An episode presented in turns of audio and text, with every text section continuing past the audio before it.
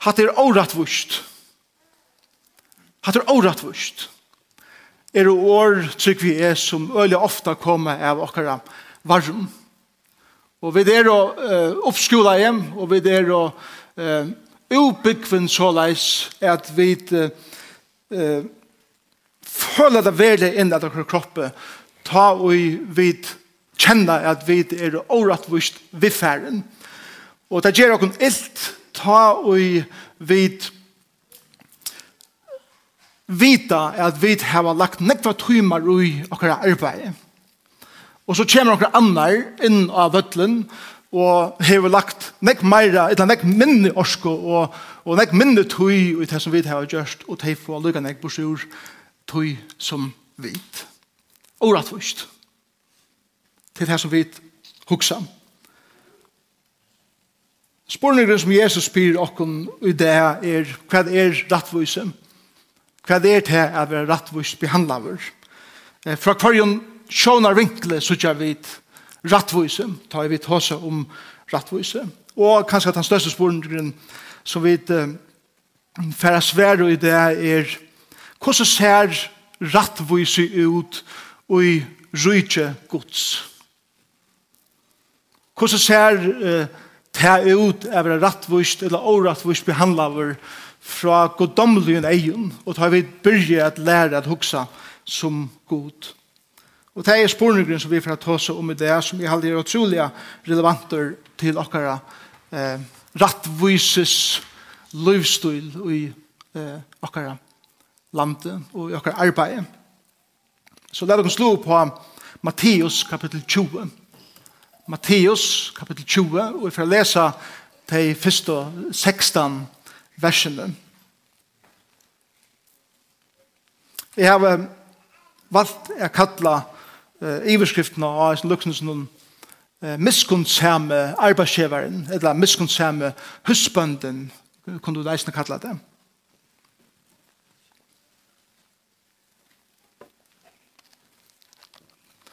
Først og fem årene er legelen til eh, at skilja hetta her luknesrett. Tøy rujtje himmelrujtjes er lukt. Og så kommer vi an luknesen.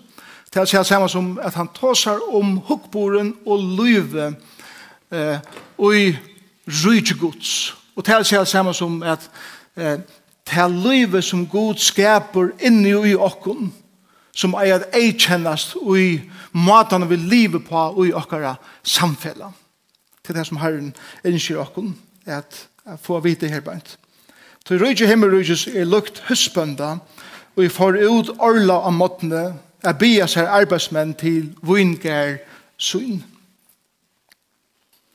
Og ta jeg var kommet avsamt vi arbeidsmennene om dinar om dagen. En dinar om dagen var en vanlig arbeidsmannaløn som, som man fikk om dagen av Jesus er døven sendte jeg der ut og i Vinkarsund. Ta jeg nå for ut om tre timer, så han er der standa for ønske av torgenen. Han sier, vet du, for jeg er tid i Vinkaren, eller ut i Vinkaren, og jeg skal lete til å få til, og i rett er, tar forut han. Atter får han ut om satta og nødgjenta timer, og gjør det det samme. Og om etlenda tøyma får han ut, og han er standandi her, han sier ta vitt der, hvor standandi her for anki allan dagen? Ta sverre av honom, til anki hu by okon. Han sier vitt der, fer eisen tid ut i vingaren. Ta så kvölde var kommet, sier vingars herren vi arbeidsformann så inn, råpa arbeidsmennene inn og leta få lønna, byrja vi hinnom sørstå, og enda vi hinnom fyrstu. Teir og var bittner om etlenda tøyma, for etlenda tøyma er klokka fem setna persen. Um, kom så og finko til nær kvør. Så der finko en heila, uh, en heila løn som en arbeidsmøver for en fotland det er 80 få om. Ta i ta hiner fyrst å komme, huksa av teir, at teir for, for, for, for å få meir men eisen teir finko dinar kvør. Ta et teir finko han, knarra av teir mot husbåndan og sett og hese susti har vi ikkje arbeidt meir enn en tøyma og to og mett har jant vi okkon som heva båre bire og hita dagsens men han sverar enn tarra vinner Jeg gjør det ångan året. Komst du ikke asamt vi med om ein dinar. Takk tøyt og fær. Men jeg skal gjeve hinnom sørsta lykka mykje som tær. Etla, jeg vil ikke løyve å gjeve mot som er vil. Etla, er eia tøyt illt fyrir til at jeg er gåvor. Så les skulle henne sørsta være fyrst. Og henne fyrsta sørst. Man sier det ved sånn her, jeg ser kjenslene i bøtjen, etter året vårt. Året vårt og henne første, som er strust atlan dagen, og byrra under hita dagsens, og så koma nægrer doner, lusungar, melande til han fem, og få akkurat som løn, som tar, som har sveitta og strust og strevast atlan dagen. Henta mynden som Jesus brukar her, det er en mynd som var helt vanlig av Jesu døven, og enn i det er en mynd som man ser reglelig ut av eh, ut i landsbyen og bygden og så videre, og i, og i Miestrum.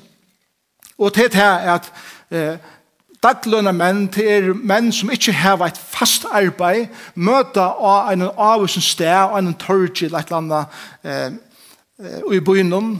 Vi tror for eia at vi er bittner å komme til arbeids, tror jeg at eh, bønder og eh, vingars eiere og så videre som har bruk for folk til avviser oppgaver. Kanskje sier at innhestingen er har bruk ofte for eier folk.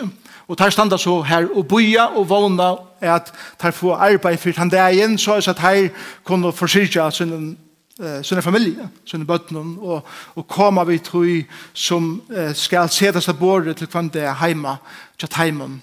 Heisna. Og her så koma så saman, der koma her til i morgunen, men det ser ut som at uh, hesten her arbeids maveren, eller sånn herren, eller høstbønden, hever bare bruk for en avvisen tale av folk som han heldur at han har bruk for henne dagen.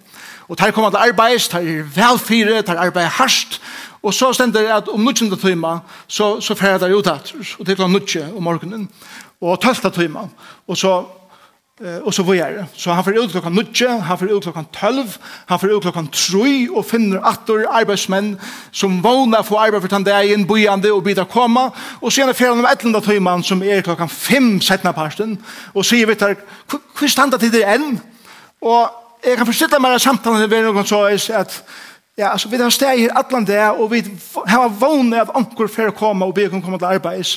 Men er bengen for det, vi er bengen for det, at aftur i det, for vi er heim, og når jeg så sier vi akkurat koner, og vi akkurat bøten, at heller ikke det, finner vi ut nega arbeid. Og hans husbanden, han sier vi der, kom. Jeg vet at klokkan er nek, men, men kom. Kom ut og arbeid enn og løte kjamer. Og hese mennene kunne kursi sige, yes, vi da finner jeg arbeid i det.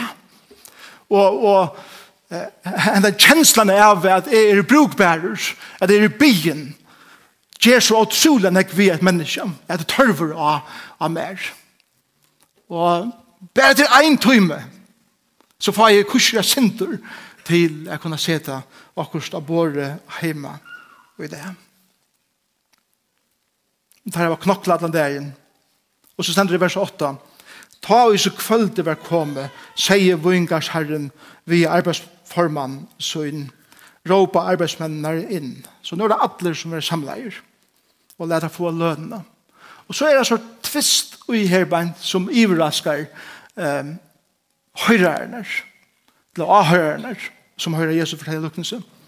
Og han sier så er, byrja vi hinn sørste, og let her først få lønna sørst. Det mener vi en og hver som er nøglunda uh, skilagåer og helst ikke vil få strøy i middelen arbeidsfolk har jeg røft her som hadde arbeidt langst først. Og vi kommer avsamt om en arbeidslønn, eller en arbeidssted, vi lønn, og tar få av søyt, og tar for heim, glæger og nøgt ut det som det finnes, og vet jeg ikke hva ganger fyrir seg, ta hine fra lønna. Og alt fara heim glæ. Men Jesus venter til høtte og sier, tar sørste som har arbeidt en time, tar arbeidt fra fem til seks, skulle komme først i røyene, med en atter hinner sørste, og tar skulle få lønna for henne dagen. Og hesten er arbeids, eller husbanden, fer til teir, og han gjør dem ein dinar, som er en dagsløn. Og teir sier, wow, wow, jeg har arbeid en time, og jeg finner ikke arbeid for det, tutsje time. Wow. Jeg gleder meg fra hjemme og forteller konen og bøtten er at for en time har jeg finnet så stor arbeidslønn og jeg kan fara heim og jeg får kjeipa akkurat lekkers heim vid det jeg ser det bordet til den gleden som tar først å føle. Så gjerne kom at her som kom til Arbeidsland 3 og som kom til Arbeidsland 12 og tar få at det samme Hugsa nu tar fyrstu som kom til arbeidsland tjei i morgenen. Tar hitja det snir og sier, hm, jeg tror jeg har verst.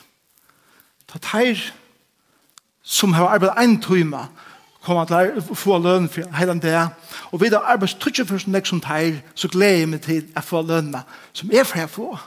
I mån til det som teir nå har finnet. Det var fantastisk. Og det første kommer sørst, og det få en dinar. Og så bor jeg der inntil husbønden eh, for nye hinnom man et marpengen. Her kommer han ikke. Og vers 9 sier, ta et her som var bytner om et eller annet tøyma kom og så finket her hvordan den er. Ta et her henne første kom, vers 12, hoksa at her, ja, vi får få meir, men eisen her finket den er og så vers 12.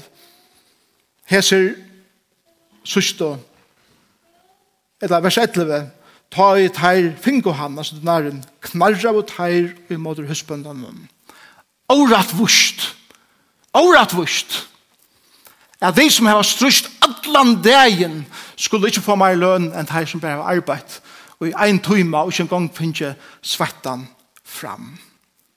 Og i vers 13 så sverer husbønden hos her mannen som knarra og sier vi der og vi ein tar særlige som rovar herrast begynner jeg gjør det omgående året var det ikke avtalen som vi hadde fra byrjan av at da jeg sendte til ut klokkan tjei i morgenen for arbeid, så var det ein denarer som vi avtalte akkurat mittelen, var det ikke dem?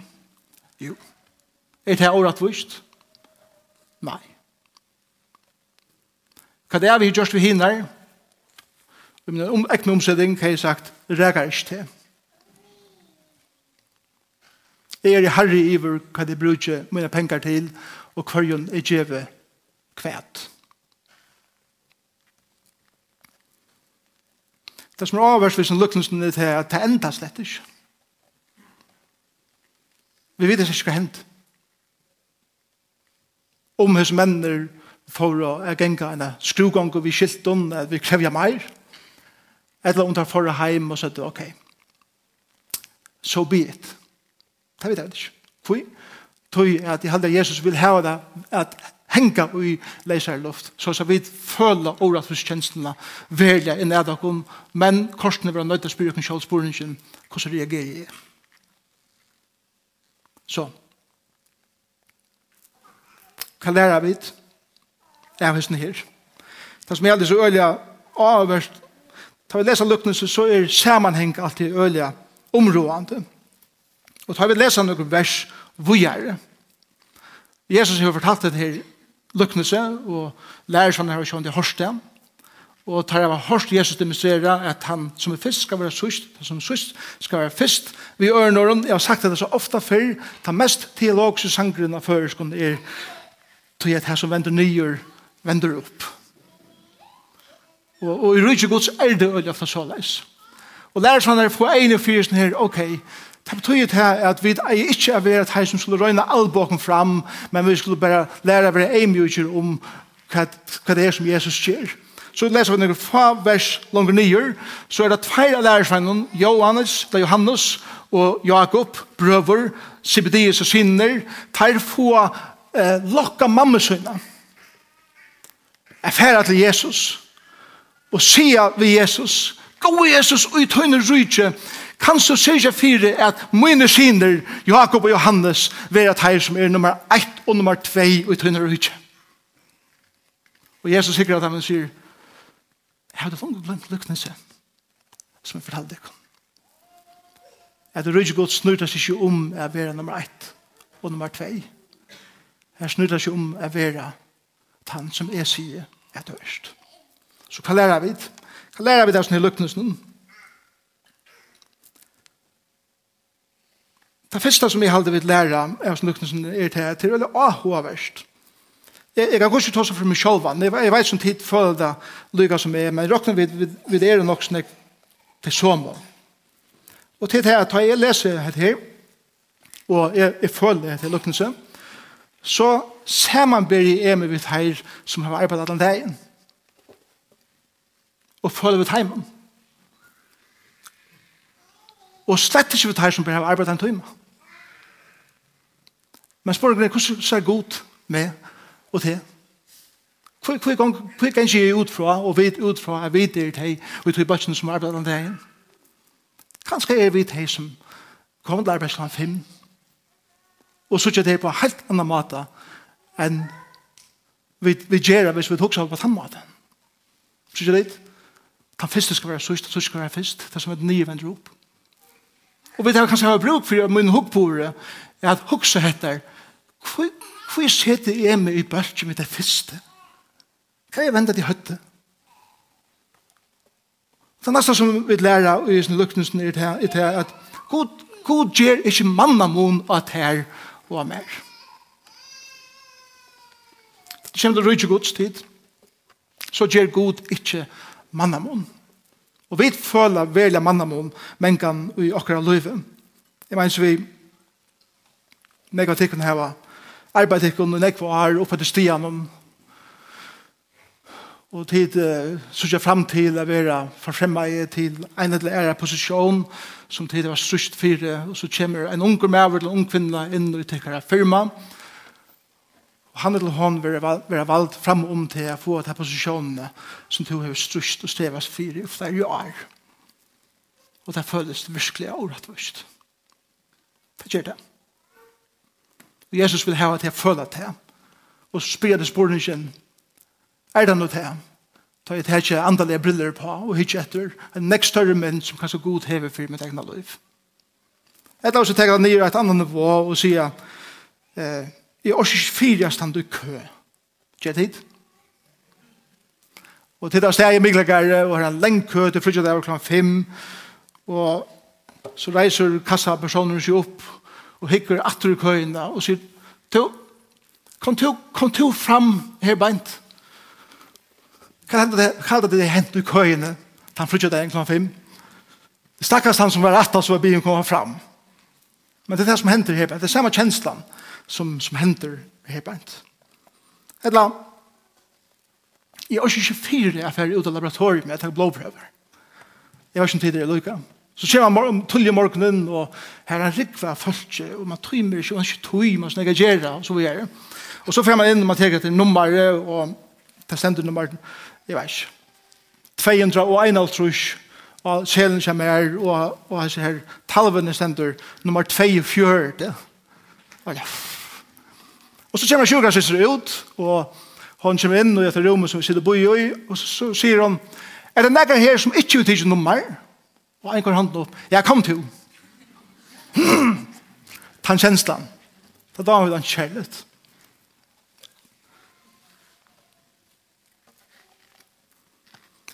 Personlig. at jeg lukknes til å lære meg, er ikke noe enn jeg ting. Det mener vi at uh, hvis jeg sammen samarbeider til å ha løvdene, og er jeg en av dem som bryr jeg i samkommene, og jeg har steg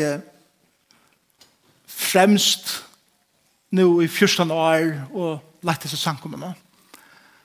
Og hukkboren kommer kan godt være at jeg har sannelig fortjent jeg får noen borsi ur her beint. Og jeg har sannelig fortjent jeg får til viring som er oppe oppebåret og, og alle tingene.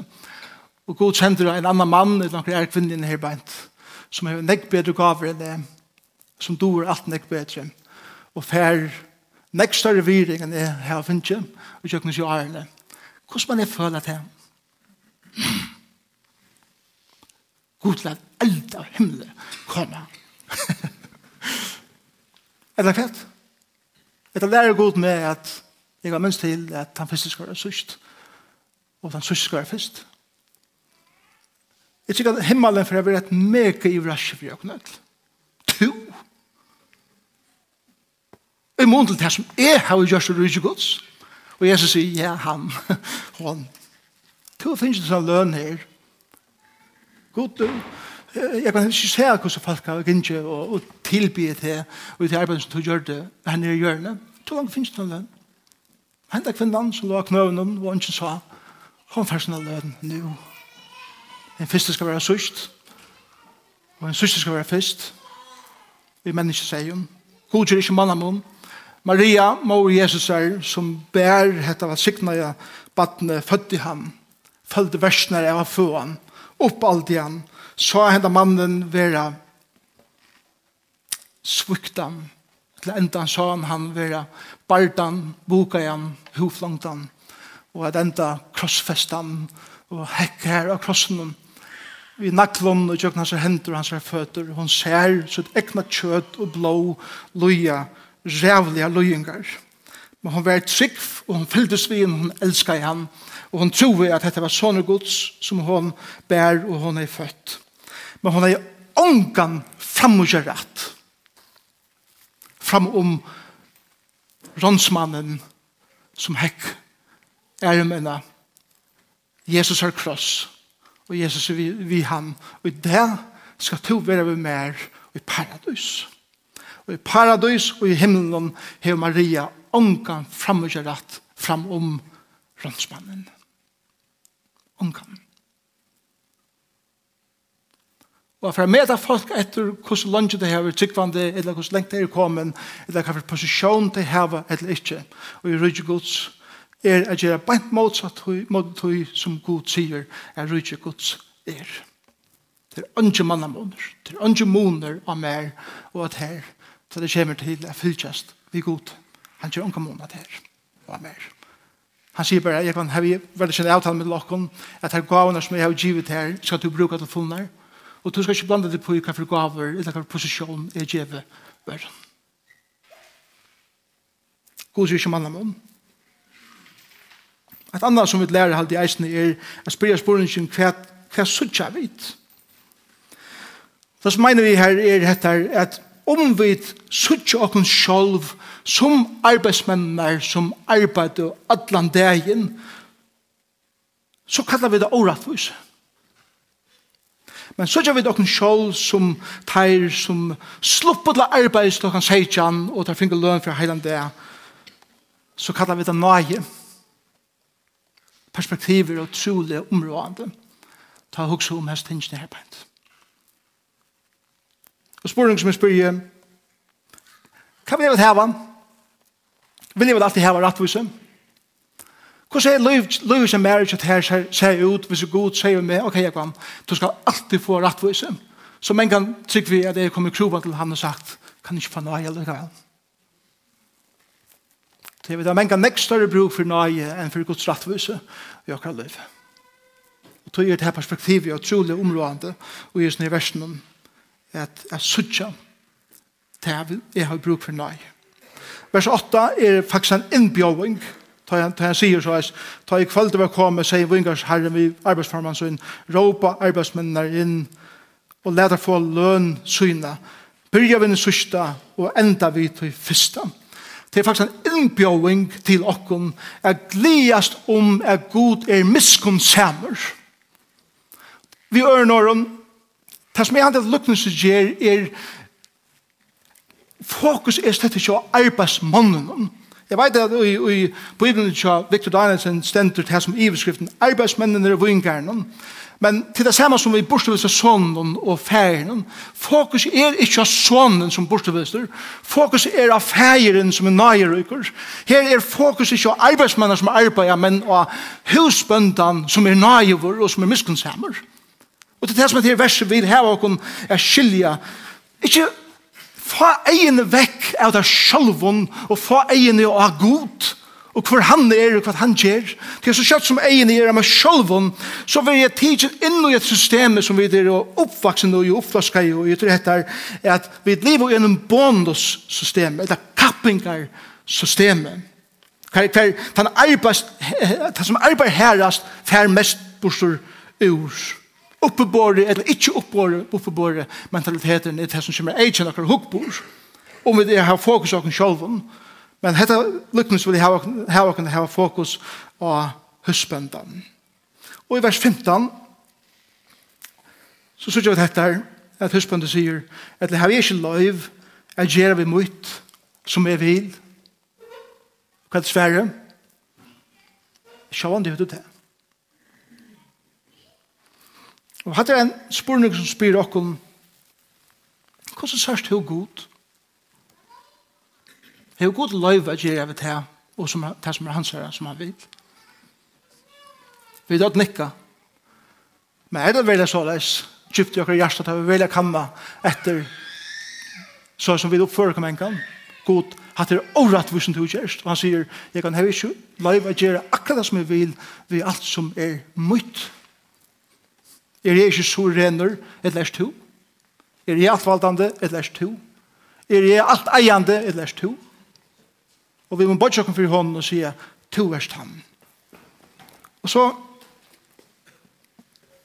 så er det tvei år som jeg hadde avhørt i samme versen, i vers 15. Og han kommer til enden av versen, og han sier så leis, etla, er det eget, er det eget, etla, etla, er eia tut illt fyrir til at jeg er gåver. Og det er det første som vi lærer.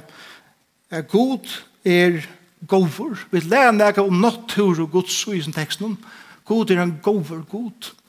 Det er det som eisne er iverraskande i sin lukkningsen er, er til at husbønden er han som fyrir ut at leide til arbeidsmannen. Og ein og hver husbøndi hei træler til arbeidsmenn er gjerra til her fyrir seg Men hesten husbønder som Jesus forteller om, forteller at han fer sjolvor ut å finne arbeidsmenn til sin eker. Og det var ovanligt. Og det er mynd av at Gud kom sjolvor inn i hendan heimen at leite etter syndaren som var fortapter og at djeva heimen er møveleika. Jeg får liv. Og han viser okken djupt nere i hjertet Guds at Gud er per definisjon gåvor og han er så mye god at han sjølvor for ut at veita taimon som har bruk fyrir hjelp. Hjelp. Det er mynd av hvordan utrolig okkar frelsere er og hva han har gjort fyrir jokken. Men hitt og til det ytla eia. Og Matteus tåsar om det, eller Jesus tåsar om det myska eia, eller det ytla eia i Matteus 6. Kan han sier, ta eia blod myst, så blir myskere verlige myst. Og ta vi få at han hukkboren om god, er at jeg, jeg vil vreire noe at jeg så gjør ganske gods, til andre få ganske gods, så blir vi mot eia myst. Og min sal blir vi og medelige mysk. Om du er ilt eia av ganske gods, for så omkant du at så god som nøyer du kan. Omkant du. Men årettvisen i måte tær og tusen to helder at to hever oppe vår. For sørge årettvisen i måte tær og tusen to helder at to hever oppe vår om du ikke var godt ei og gode, og du var omkant det sørge det gode som han gjør i måte øren. Det er fokuset er at her. Og du først ångan det gliast om det gåa som ånder få. Men du først vera bæskur om det som du ikkje fekk. Og ta blod salen mysk. Og ta blod alt myrst. Det lukkne seg viser okkur munen halde jeg eisne kvui til er at folk færa ur sankumon eller ur gods arbeid og munat heimen som velja er være ui. Og det tog at er ikke øvensjuklen av hva andre få, men er nøkter vi det som god gjør mer i min egna liv. Og god lærer okkur til i disse versene, i disse lykkelsene, og vi de sista versen, er etter at minst til at den første, han skal være sørst. Han som vil krevje alt under seg og få eh, få alle ære og få alle løn for alt som han heldur at han er oppbore, han skal være søst. Men det som en ser, at alt som er heve, og alt som er finnkje, og alt som er byen til, og alt som slipper gjøre, er grunda av Guds nøye. Han kom etter mer, og har sett meg til arbeids og i og sønne vingare. Så skal det være fest. Så jeg får søtje han fra en helt nødvendig perspektiv, og til hvor han er, heldre enn hvor jeg er og hva det er for kjent. Hette det som heter lukknelse lærer dere, og måtte hjelpe dere som sankumma og som einsaklingar. Jeg finner et nytt perspektiv om hvor god det er og hvor vi det er og hans egen.